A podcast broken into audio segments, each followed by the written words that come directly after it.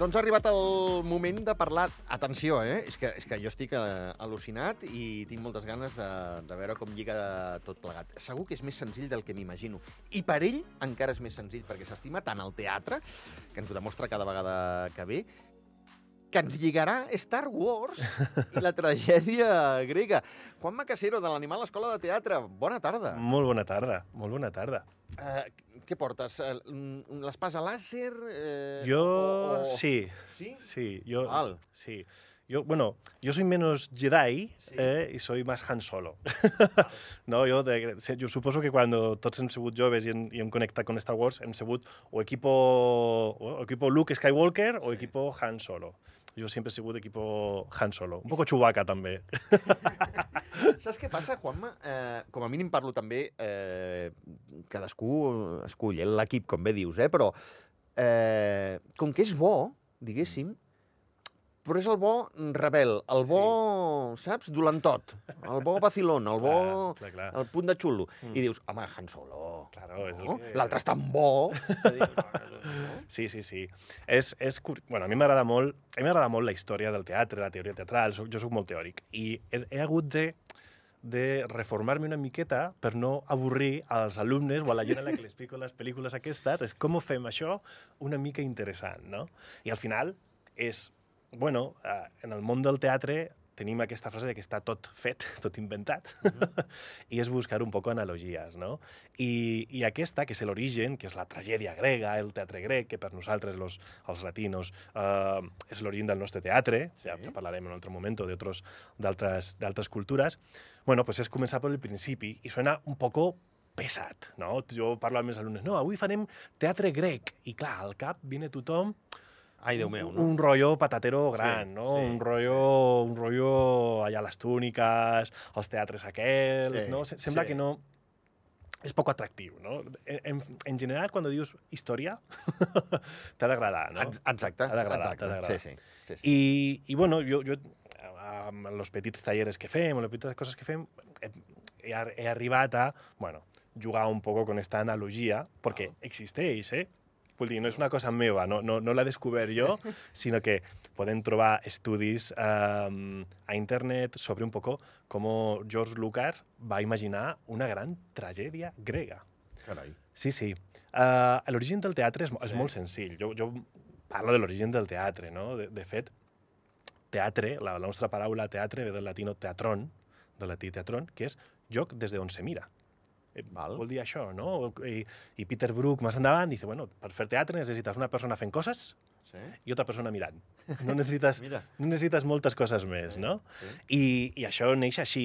Jo faré un, un repàs així molt llarg i luego juguem. Val. Luego juguem, no? Vinga, va. Clar, uh, a, a l'antiga Grècia pues, tenien estos déus que tothom coneixem, no? Zeus, uh, Dionisios, Apol, tota aquesta gent que tenim, i quan arribava la, la collita, pues feien fe festivals, no? Els festivals, eh, la Fera del Bestiar, que fan aquí, pues, Exacte. després ho feien Per allà. donar gràcies, no? clar, per clar, clar, a, als déus, no? Val. I allà pues, havia una sèrie de gent que feia una dansa d'agraïment, no? que es deia ditirambo. Ditirambo. Ditirambo. Ostres. Sí, val. esa és la primera paraula que, que tenim, no? Val. Y era un, bueno, pues una, una coreografía, era el cor, ¿no? Y el cor estava guiado por un corifeu, que era el, el capità del, de, del cor. Val. I aquest, aquesta dansa, en algun moment, algú, jo suposo que diria, esto es un poco aburrit, ¿no? Aquí només ballant, ¿no? Luego vendrá Mónica Vega y nos dirá que la dansa no es aburrida y, y estas cosas, però algú hauria de dir que, home, que si parlaren una miqueta, pues si ens explicaran alguna cosa de lo que estan fent, no sé si has vist dansa moderna o dansa contemporània. Eh, um, sí, però t'he de dir que massa poca. Ja, pues, Massa poca. ja, a mi em passa, eh, i al final la Mònica nos tirarà de les orelles, no? però em, em passa això, no? que necessito alguien que m'explique què està passant allà. Al teatre modern també le passa, eh? Al- Sí, sí, sí, sí. Però sí, és cert. Jo, Sí, em, trobo, no? jo em trobo aquest obstacle, una també. de, Ho dic de debò. No? Una miqueta d'explicació de... Sí. Per què, per què, què està passant? Eh? Sí. Jo, a mi em passa, en la meva ment quadriculada, um, parlant amb ballarins, a ballarines, si ho dic, no, a mi la dansa m'agrada molt, però a vegades és com... Què em voleu explicar, Sí, no? què- què- què em voleu transmetre? Clar. A mi em Jo suposo que allà a la Grècia pues, habría un par de tipos como nosaltres i dirien, oye, si alguien explica això, estaria bé. I s'hi va introduir un senyor que es deia Tespis, que està registrat com el primer actor Tespis era un tipo que anava con un carro uh, recollint aquestes festes de la collita Sí. i establia un diàleg amb el cor, no? amb el corifeo, amb el Sí. capità. Este, feien una, una escena, un diàleg entre els dos, no? un, un agon, un, un, que és com es, es diu aquest, aquest diàleg. I a partir d'aquest diàleg pues, sorgeix una escena. Tenim el cor Sí. i dos personatges, el corifeo sí. i Tespis. Val. Ja, ja tenim una obra de teatre, ja tenim algo, no? I aquest diàleg una miqueta improvisat que feia el Tespis con el seu carro eh, se va anar estructurant. Se va anar estructurant i mm, ja no apareixia només un actor, sinó que apareixien dos, con lo qual teníem el corifeo, el coro i dos actors principals. Això va evolucionar. Va evolucionar amb concursos. El, en l'antiga Grècia se feien concursos de dramaturgs, no? de textos de teatre, Val. i les innovacions consistien en afegir personatges. Mira. Afegir personatges. I, I és una cosa molt curiosa, perquè ara, si tu agafes una tragèdia grega i la llegeixes, Edipo, Medea, qualsevol, dius, ostres, aquí surt moltíssima gent. Esto és una producció cara, aquí hay que pagar molt, molta, molta penya. Però al final eren dos actors, dos, tres actors, no més. Perquè al teatre grec jugaven amb màscares. Havia màscares. Entonces els personatges anaven canviant, entrava... Oye, vaig un moment dins... Però l'actor era el mateix. L'actor era el mateix. Val.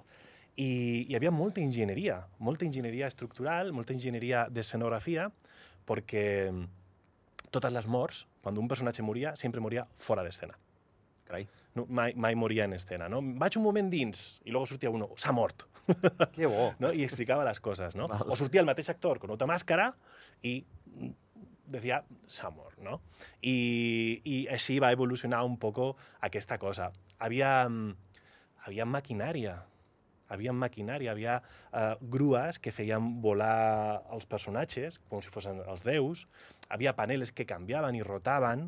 Ara, ara imaginem el teatre grec. Imaginem Mèrida, imaginem Éfeso, imaginem aquests teatres rígids, no?, de pedra allà Sí. enormes, però havia una, una gran maquinària mm, rústica, evidentment, estem parlant del segle V, eh, abans de, de Cris, però que, que ja feia efectes especials. De fet, a, a vegades havia actors que, que no sortien en l'obra o que no... Que, digamos que eren figuració, que anaven junt del teatre, Sí. Uh, si tots tenim a la imatge un teatre grec, el teatre grec està en les laderes de les muntanyes per aprofitar um, la reverberació de la muntanya, no? l'eco, l'acústica. Sí. I tu des de la teva butaca veies el que és l'esquene, no? l'escena, uh, i al junt veies el prau, veies el campo que estava darrere. Ah. I a vegades en les obres veies a un actor o un figurant corrent per allà fent que venia al teatre, no? I és el viatge de l'heroi, no? És el personatge que ve, que està viatjant en barc, pues ve des de junt, no? Luego entrava otro actor, ¿no? Porque el que estaba allí corrent, pues a saber dónde va quedar, Déu, Déu a saber, ¿no? Uh, i, I això és, és un poco com se feien les obres de, de teatre. Uh, no existien directores de teatre. Els autors, Sí. en els seus eh, textos, anotaven coses, no? Ara tenim les acotacions, que són aquests textos en un, entre parèntesi que, que hi ha en les obres de teatre, no? que, que nos dan alguna indicació, no? Eh, entra ràpidament, no? o surt furiós, o amb molta ira, dan petites, petites coses que acoten com l'actor, com el personatge Com has d'interpretar. com has d'interpretar, no? Una mínima, una, mini, una mínima indicació. Uh -huh. Últimamente, les acotacions són més de moviments, entra per la porta, surt per el foro, Val. que d'emocions, no? A- Ara ja no s'acota tant. De fet, hi ha actores que no acoten res. És buscar-te la vida i, i ja, ja veuràs, no? I en l'antiguitat, estas notas se deien didascàlies. Didascàlies. I eren anotacions al marge dels textos con petites indicacions. Si seguim, eh, en, en aquest programa, a poc a poc anirem passant per moltes fases Uh -huh. i descobrirem que el director d'escena apareix molt tard, molt tard. El teatre evoluciona, evoluciona, evoluciona, però la figura del director, d'un director d'escena com més o menys tenim al cap, Sí. uh, modern, uh, és, és, eh, és, és, una, és un invent europeu molt modern per, per, Pels anys que fa que fa anys teatre. que fem teatre. um, el, el teatre grec nos ha deixat moltes coses, moltes coses. Sobretot nos ha deixat uh, lo que viene sent la tragèdia. ¿no? Lo, el, el, que aquí vamos a començar a enllaçar con, con la, la molla, que és Star Wars, que és el que hem venit de parlar. No? La tragèdia grega, Sí. uh, Nietzsche, en, en- en el origen de la, de la tragedia, uh, o habla un poquito, ¿no? Y Aristóteles lo, lo, lo resume también. Bueno, primero Aristóteles y luego Nietzsche. O sea, démosle a cada uno lo, Exacte, seu, ¿no? sí. Clar, és una lluita, no? Està lo apolíneo y lo dionisíaco. Eh, lo apolíneo per, és un poco la rectitud, no? És, és lo coherente, és l'art meticuloso, l'art senzill, lo recte, lo correcte, y lo dionisíaco de- eh, ve un poco a la anarquía y la festa, ¿sabes? Eh, a, a darlo todo, el arte más exuberante, la, el descontrol i tot això. Clar, no sé si te suenan las vacantes, no, las bacanales, las orgías. Sí, Bé, sí. bueno, Sí. pues las vacantes eran aquestes dones que estaven en el campo, que corrien i anaven a les festes del déu Baco, d'allà lo de les bacanales, va, Vale. ah, del déu Dionisio, vaya, Baco és el romà no? i Dionisio és el grec. Um, y bueno, las fiestas eran un fiestón, ya, ya creo que, ¿sabes? Eso es així. Però claro, és una cosa molt normal. No sé si tu has sortit de festa, lo has donat tot i al dia següent la ressaca és, Déu meu, què he sí. fet? Sí, què m'ha passat? ¿Qué me ha pasado? Pues eso es la tragedia grega, ¿no? Es lo dionisíaco, es la festa, es darlo todo, es deixar-se anar, i el dia següent és lo apolíneo, és la rectitud, és, ostres, Què què, ha passat? fet? Què hem fet? No? I d'així, d'esa lluita entre lo apolíneo i lo dionisíaco, neix la tragèdia grega. No? És, és la lluita Val. entre, entre el descontrol i el control, afil, filant una miqueta més entre lo humano i lo divino. Val. ¿no? O- o- Sí. Las leyes divinas y las leyes humanas. ¿no? Eh, tenemos moltes d'estes coses. I dins de la tragèdia hay un personatge molt important que és l'heroi, Sí, el héroe trágico. sí. No? I, clar, el- l'héroe tràgic és un personatge que no vol ser un heroi. Arriba a ser heroi perquè... De rebot. De rebot, sí, el destí Exacte. lo col·loca allà, Exacte. no? Però ell no vol ser, ell no vol ser ese, ese heroi i lluita contra aquell destí. En la tragèdia grega, el heroi no vol ser el, el, el heroi, però algo fa que tenga que fer això. Ese, ese algo té un nom, eh? també, també te diré, no? Esta, ¿sabes? És, és la ibris. És el Ibris. desi- la ibris. És el desig, el orgull, no? El héroe grec eh, tiene, tiene esta cosa, tiene, tiene este ibris, este orgull, que le fa fer coses. I estas coses moltes vegades són, són amarties. Amarties. Són males decisions. Val. L'amatia Sí, és una mala decisió. No? El, hero- el heroi grec fa el destí, lo posa en un joc, ell, per el seu orgull, per el seu desig, per la seva ibris, no? arriba a un moment que ha de fer coses, i aquestes coses deriven en l'amatia, que és una mala decisió. És una mala decisió. Això deriva en el patos, que és el sofriment, en el patiment. hasta, que, hasta que en algun moment arriba a l'anagnòrisi, que és el reconeixement, on l'heroi se da cuenta de lo que està passant i ve que el destí és inevitable i que ha de ser heroi. i ha de ser heroi, però acaba mal. O sea, el destí és inevitable, ve que tot això que ha passat d'héroe, perquè l'héroe grec no és bo ni dolent, no, no és l'heroi com ho coneixem a nivell contemporani, l'heroi és el bo de la pel·lícula, no, l'heroi és el protagonista de la història, per dir així, i l'heroi clàssic acaba mal. Además, siempre hay familia que pateix, siempre hay seres queridos que pateixen, siempre hay alguien cercano por el cual fas las cosas i, i al final el que passa és que el destí arriba. O sigui, que podríem dir que t'arrossega la, la, la força del mal? Sí, en, en, el, en el caso del destí és que acaba mal por això, ¿no? Val. Yo tengo dos, dos personajes Sí. que, que relacionar con estas cosas, Venga, ¿no? va. Uno muy holly- hollywoodiense, Sí. que a mí me tiene admirat y cuando lo explico la gente me mira mal, que es John McClane. John McClane. John McClane. John McClane es el personaje de Bruce Willis Sí, en el Die jungla. Sí, en la en jungla. Sí. La jungla. Ah, és un héroe clàssic. És un héroe clàssic. Ell no vol. Ell va... En, en la És, tot i que és policia, eh? però ell va a una Sí, sí. festa, la, la U, Sí, sí, sí. En la primera, en la primera pel·lícula va a una festa fora de, del seu, del seu, de la seva jurisdicció, que dicen los americanos, Exacte. a recollir a la seva dona Sí. y se troba que la seva dona, ese ser querido, està patint algo i ell se ve en la obligació agafa la mala idea, perquè Sí. podia no fer res i anar a la policia i Exacte. anar... No? Però esa, esa ibris, esa mala decisió, eh, fa que, que entre allà al Nakatomi Plaza a fer això. El que passa Sí, és que sí. Die Hard, eh, Jane McClane passa una cosa, i és que acaba bien. Sí. Todas las películas acaban bien. Sí. Es- Este sí que es un héroe, sí que es un héroe como entendem a nivell contemporani, no? Val. Però Anakin Skywalker, no. Correcte. I aquí arribem. Correcte. I aquí correcte, arribem. correcte. Anakin Skywalker és un heroi clàssic de tragèdia grega. És un nen, És el que ens has explicat, sí, sí, és brutal. un nen que no... que además té algo de místico, porque si ve, o sea, bueno, yo soy fan de Star Wars, Star Wars hay que verlo como se ha, como se ha estrenat. primero, Totalment d'acord. primero la 3, luego la Gra 4. luego la- gràcies, Sí. gràcies, gràcies. és que és una eterna lluita, eh? Sí, sí, sí, sí. S'han de veure per ordre de, de, de No. història o de com, com, com s'han estrenat? Com s'han estrenat. Escolta'm, Com s'han jo... estrenat. Com s'han estrenat. Ahora tenim molt follón con las series, los dibujos y todas estas cosas. Sí, sí. Pero lo que son las películas hay que verlas como se han estrenat.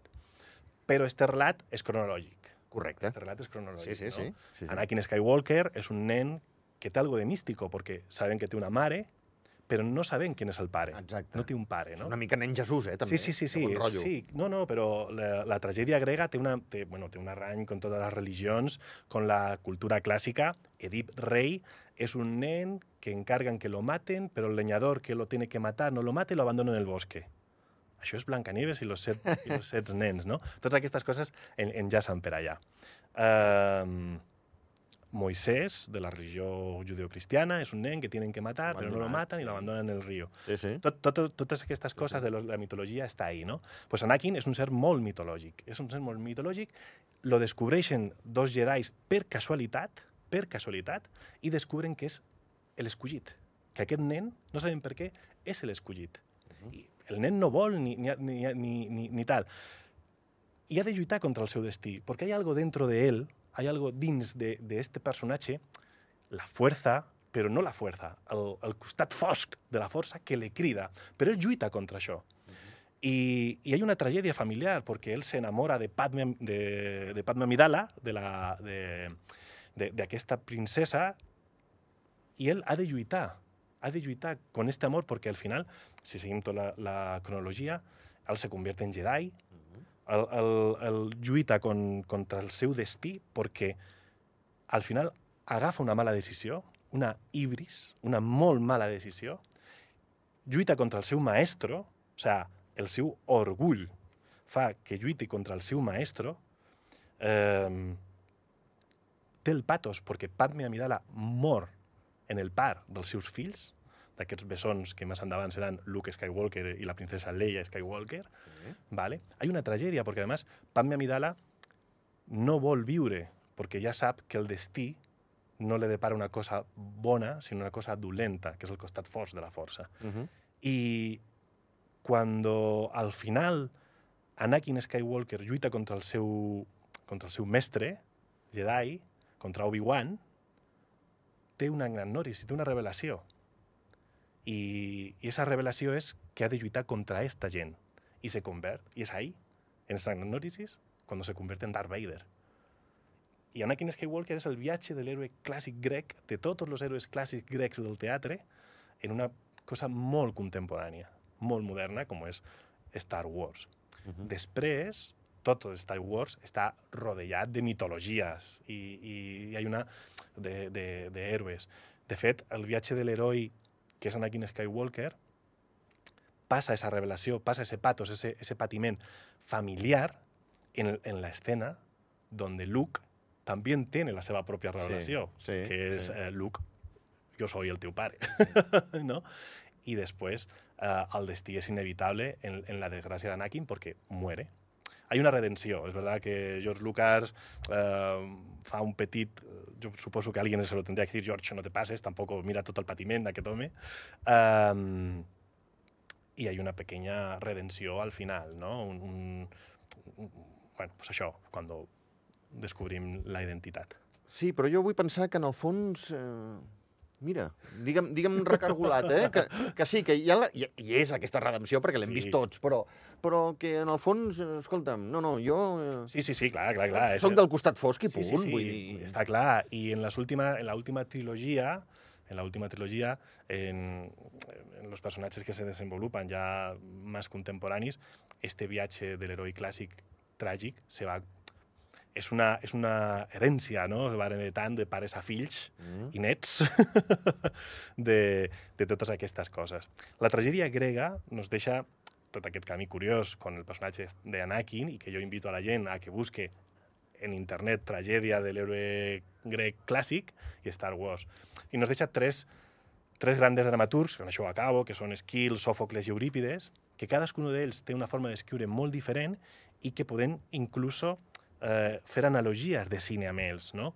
Totes lo, los, les pel·lícules que tenen un condimento ritual, de comunitat, tienen algo de skill. Uh, el planeta de los simios, por ejemplo, un exemple. Sófocles. Um, el, el, el, el, el heroi per sobre i la comunitat que vol rescatar, ¿no? Pues ahí tenemos todos los western, uh, mm, todas las películas donde hay alguien que vol salvar a una comunitat. Ahí tenemos a Sófocles. Els westerns són molt, tragèdia clàssic, grega, molt és veritat. tragèdia grega.